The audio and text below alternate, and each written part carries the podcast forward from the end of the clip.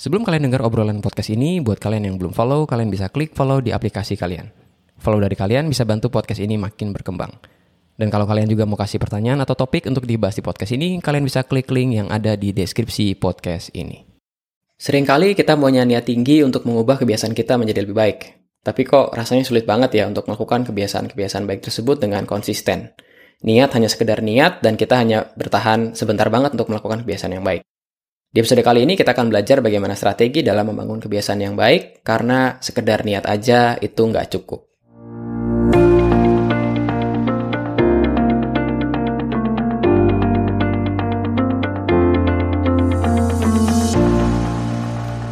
Halo semua, gue harap kalian semua dalam keadaan sehat. Dan setelah minggu lalu kita ngobrol banyak nih tentang pentingnya kebiasaan dalam hidup kita. Di episode kali ini kita akan diskusi tentang bagaimana sih strategi dalam membangun kebiasaan yang baik. Karena makin gue belajar tentang kebiasaan, makin gue coba lakukan kebiasaan yang baik, makin gue ngerti bahwa sekedar niat aja nggak cukup.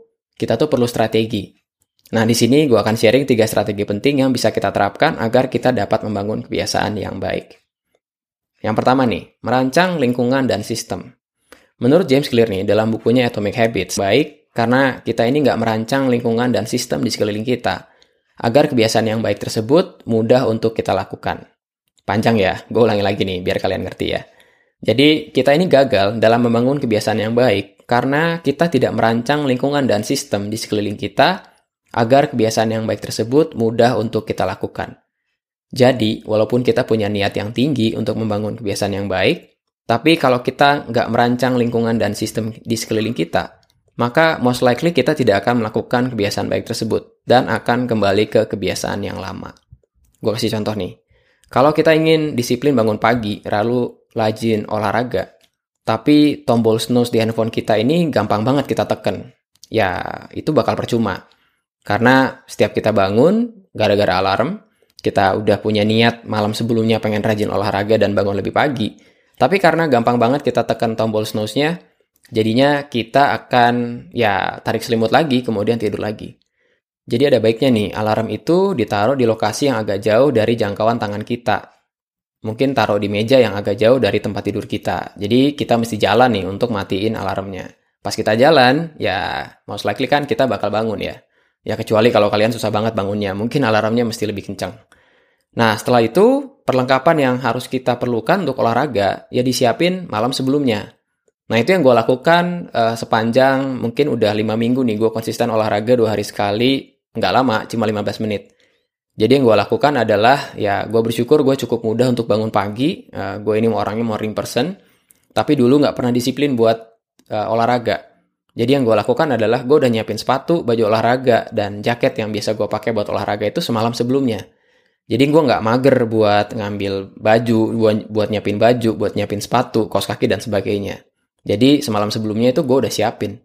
Intinya uh, ketika gue udah lihat pakaian olahraga tersebut, gue jadi lebih semangat dan lebih mudah untuk melakukan olahraga daripada gue tarik selimut dan tidur lagi. Gue lebih terarah untuk bergerak dan gak mager pagi-pagi.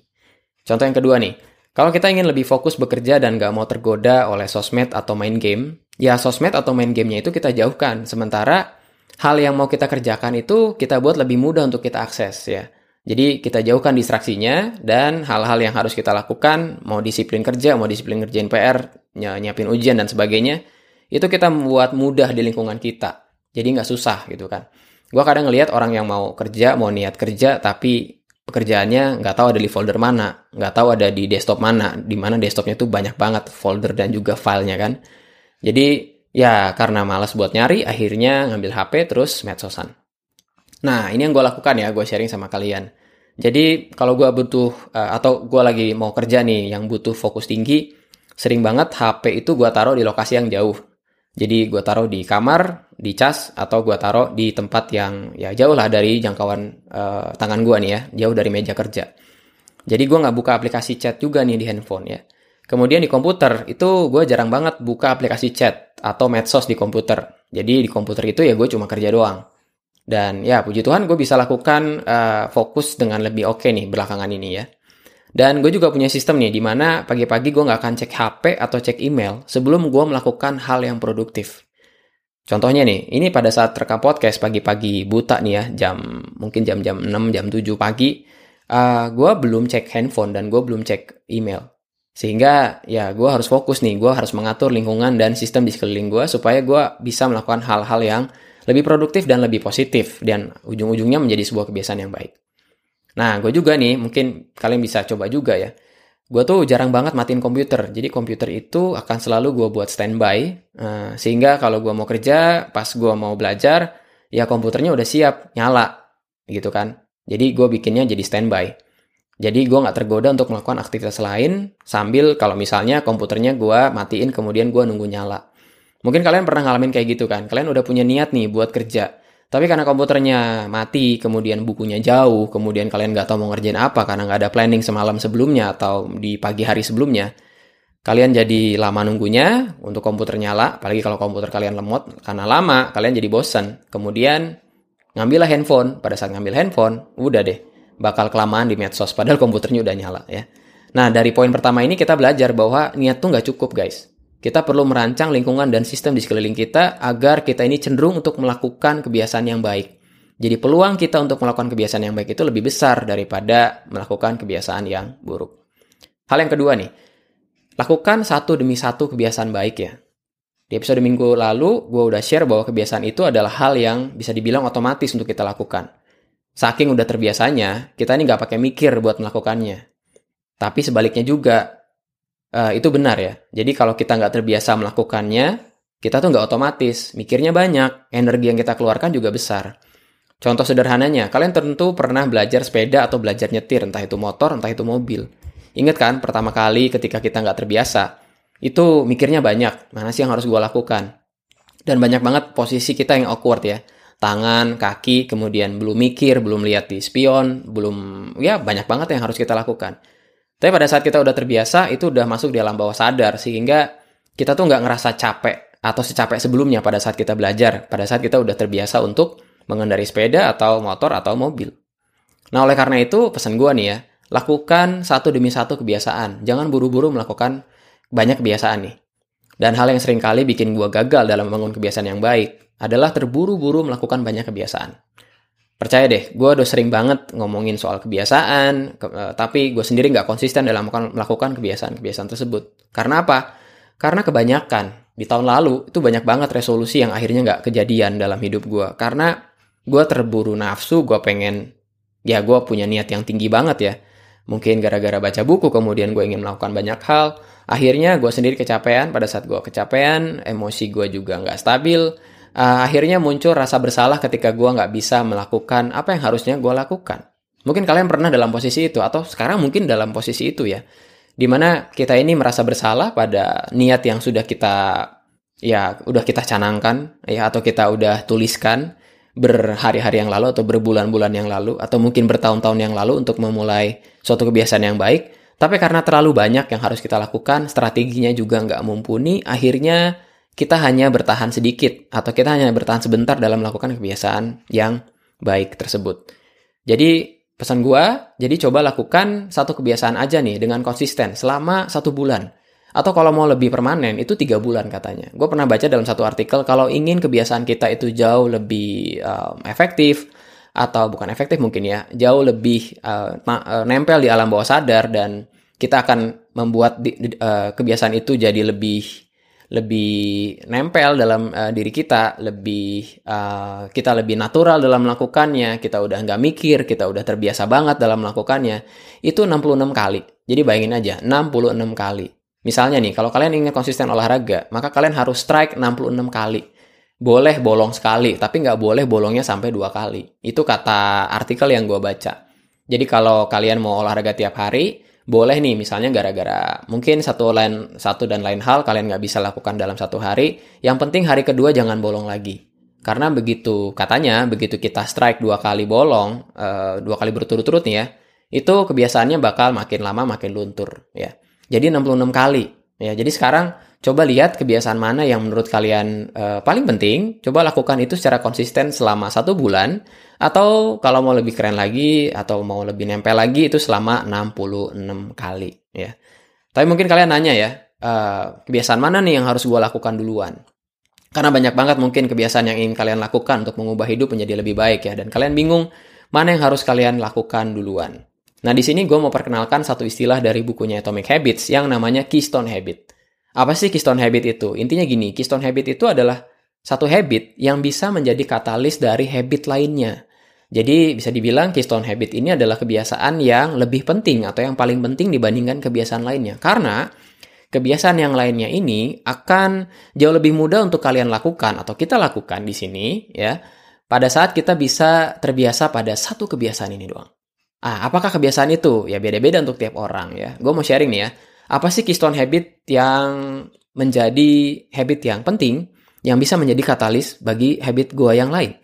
Nah, apakah itu ya? Dan ternyata keystone habitnya nggak jauh-jauh buat gue adalah kebiasaan bangun pagi. Bangun lebih pagi dan gue melakukan banyak hal produktif di pagi-pagi sebelum gue ngecek handphone dan email. Jadi itu adalah keystone habit gue. Dan sejak gue melakukan ini udah strike sekitar 45 hari ya, artinya udah sebulan setengah. Itu kebiasaan gue yang lain tuh jadi ke unlock gitu loh. Ya, karena gue bangun lebih pagi, gue bisa jadi lebih rajin olahraga. Karena gue bangun lebih pagi, gue jadi lebih fokus gue karena gue bangun lebih pagi gue jadi nggak terdistraksi oleh sosmed di pagi-pagi dan ini yang paling penting karena gue bangun lebih pagi gue itu jadi lebih fokus dan juga jauh lebih apa ya jauh lebih positif lah dalam menghadapi hari gue karena gue tahu bahwa pada saat gue bangun lebih pagi gue itu uh, ada satu kerjaan yang penting yang udah gue bereskan jadi gue banyak mengalami satu ya mungkin banyak hal ya ketika gue melakukan bangun uh, kebiasaan bangun lebih pagi ini Bayangkan aja, uh, kadang tuh di bawah jam 8 pagi, itu kerjaan penting di hari itu, gue udah beresin semua. Akhirnya gue merasa nyaman, gue merasa positif menghadapi hari itu, karena kerjaan penting di hari itu udah selesai. Nah dari mana nih gue dapetin kebiasaan bangun pagi ini ya? Nah ternyata tuh ada satu buku yang nanti gue akan share di podcast podcast selanjutnya lah ya. Judulnya Miracle Morning, bestseller juga. Intinya karena kita bangun lebih pagi, banyak hal yang bisa kita lakukan dan kita jadi lebih, fokus untuk menjalani hari itu dan jauh lebih positif menjalani hari tersebut ya. Jadi itu keystone habit gue ya. Oke, yang ketiga nih, strategi yang terakhir yang gue catat di sini ya. Catat kebiasaan baik itu, dicatat nih ya. Uh, catat progresnya dan hati-hati sama self reward. Gue ulangi lagi. Catat progres kebiasaan baik kalian dan hati-hati sama self reward ya. Nah, coba gue jelasin ya. Jadi gini, um, kita akan jauh merasa lebih positif terhadap diri kita kalau kita tuh punya sense of progress. Sense of progress itu artinya ya kita tahu kita ini udah sampai mana progresnya pada saat melakukan suatu kebiasaan yang baik. Jadi pesan gue sih cari cara uh, untuk mencatat progres yang kalian lakukan. Mau pakai aplikasi, mau catatnya manual, ya bebas. Yang penting ada cara atau ada satu media di mana kalian mencatat kebiasaan baik kalian. Ya, oleh karena itu, ya kita bisa merasakan sense of progressnya nih. Kita bisa, bisa ngerasain bahwa, oh, gue konsisten berapa hari ini, kemudian di sini gue bolong, kemudian gue nggak boleh dua kali strike berturut-turut bolongnya, ya. Jadi gimana caranya supaya kalian punya sense of progress tersebut ya. Nah, gue pribadi gue menggunakan aplikasi namanya Produktif ya. Kalian bisa cari, memang uh, ada versi premiumnya, ada banyak banget uh, aplikasi di luar sana di App Store ke atau di Google Play Store di mana kalian bisa mencatat uh, kebiasaan kita ya. Lalu ada satu lagi um, aplikasi yang baru aja gue dan teman gue coba uh, pakai namanya Habitika. Ini keren banget kalian coba cek Habitika. Habitika itu kalian bisa add teman kalian dalam satu grup, kemudian kalian melakukan satu misi bersama ya. Jadi ada elemen gamifikasinya ya. Artinya kalian tuh menganggap bahwa membangun kebiasaan yang baik itu sama kayak main game. Jadi kalian bisa bunuh musuh bersama, kalian bisa punya quest atau misi bersama. Ya misalnya questnya adalah selama sebulan ini harus minum air putih lebih banyak. Nah itu kalian dan teman kalian itu akan mencatat kebiasaan kalian dan nantinya kalian akan dapat bonus. Bonusnya dipakai buat upgrade, upgrade gear kalian, upgrade baju karena ada avatarnya. Pokoknya keren banget lah. Ya intinya lakukan uh, ya lakukan pencatatan ini sehingga kalian punya sense of progress dari kebiasaan kalian ya kemudian bagian juga uh, bagian lain juga dari strategi yang ketiga ini hati-hati banget sama yang namanya self reward karena gue sering ngeliat ada self reward yang berlebihan contoh kalian baru mau punya niat lalu punya strategi udah atur lingkungan ya kemudian kalian udah lakukan satu demi satu kebiasaannya misalnya kalian mau pakai kebiasaan atau kalian mau melakukan kebiasaan untuk fokus kerja Lalu kalian merasa, oh gue udah fokus kerja nih selama satu minggu. Oke, gue mau self reward dalam tanda kutip. Self rewardnya apa? Nonton Netflix selama satu season. Apa yang terjadi? Jangan kaget kalian akan kembali ke kebiasaan yang lama karena self rewardnya berlebihan. Self reward boleh, artinya kalian merayakan progres kalian, tapi jangan berlebihan. Gue sering banget ngeliat, seperti yang tadi gue udah ceritain, orang yang baru saja, gue bahkan sempat juga merasakan hal itu. Jadi gue baru aja punya progres yang kecil banget, nggak terlalu gede gitu kan. Tapi ngerayainnya gede banget ya. Misalnya ya banyak contoh ya, kalian udah gaya hidup sehat, self rewardnya akhir minggu atau weekend ini karena baju baru gajian kalian bisa makan seenaknya kemudian akhirnya melupakan uh, kebiasaan baik yang harus kalian lakukan ya jadi itu ya catat kebiasaan baik dan hati-hati sama self reward So, gue akan coba ambil kesimpulan dari podcast episode podcast kali ini. Episode podcast minggu lalu kita belajar tentang pentingnya kebiasaan dalam hidup kita.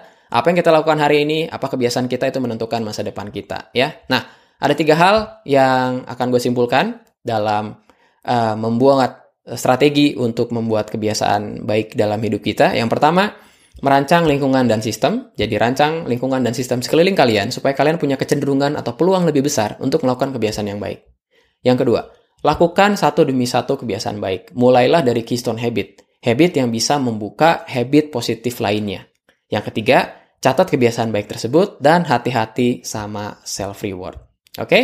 nah di podcast ini gue udah punya satu sistem baru nih, yaitu kalian bisa download show notes-nya. Jadi tinggal lihat di deskripsi dari podcast ini atau masuk ke uh, website saya uh, www.christianfredina.com, kemudian klik di podcast, Kemudian kalian bisa download ada satu PDF yang bisa kalian coba baca yaitu rangkuman dari podcast ini ya. Jadi isinya rangkuman. Mungkin contoh-contohnya juga nggak ada di show notes itu ya. Karena ya saya ingin supaya show notes-nya pendek cuman ya antara 1 sampai 2 halaman. Kemudian di show notes tersebut juga ada beberapa action plan-nya. Kalian bisa isi di situ, kalian bisa tulisin uh, apa yang ingin kalian lakukan ya. Jadi semoga gue sendiri pribadi bisa konsisten dalam membuat episode-episode podcast yang akan datang dan gue sudah punya jadwal bahwa gue akan membuat uh, episode podcast setiap hari Rabu setiap minggunya. Nah semoga gue bisa konsisten ya karena ya ini adalah kesaksian hidup. Gue harap uh, apa yang gue lakukan dalam kehidupan gue bisa jadi inspirasi buat kalian, bisa jadi satu insight buat kalian ya, terutama dalam hal ini membangun kebiasaan yang baik ya. Oke, okay, take care semua, semoga sehat-sehat semua. Sampai ketemu di hari Rabu minggu depan. Bye bye.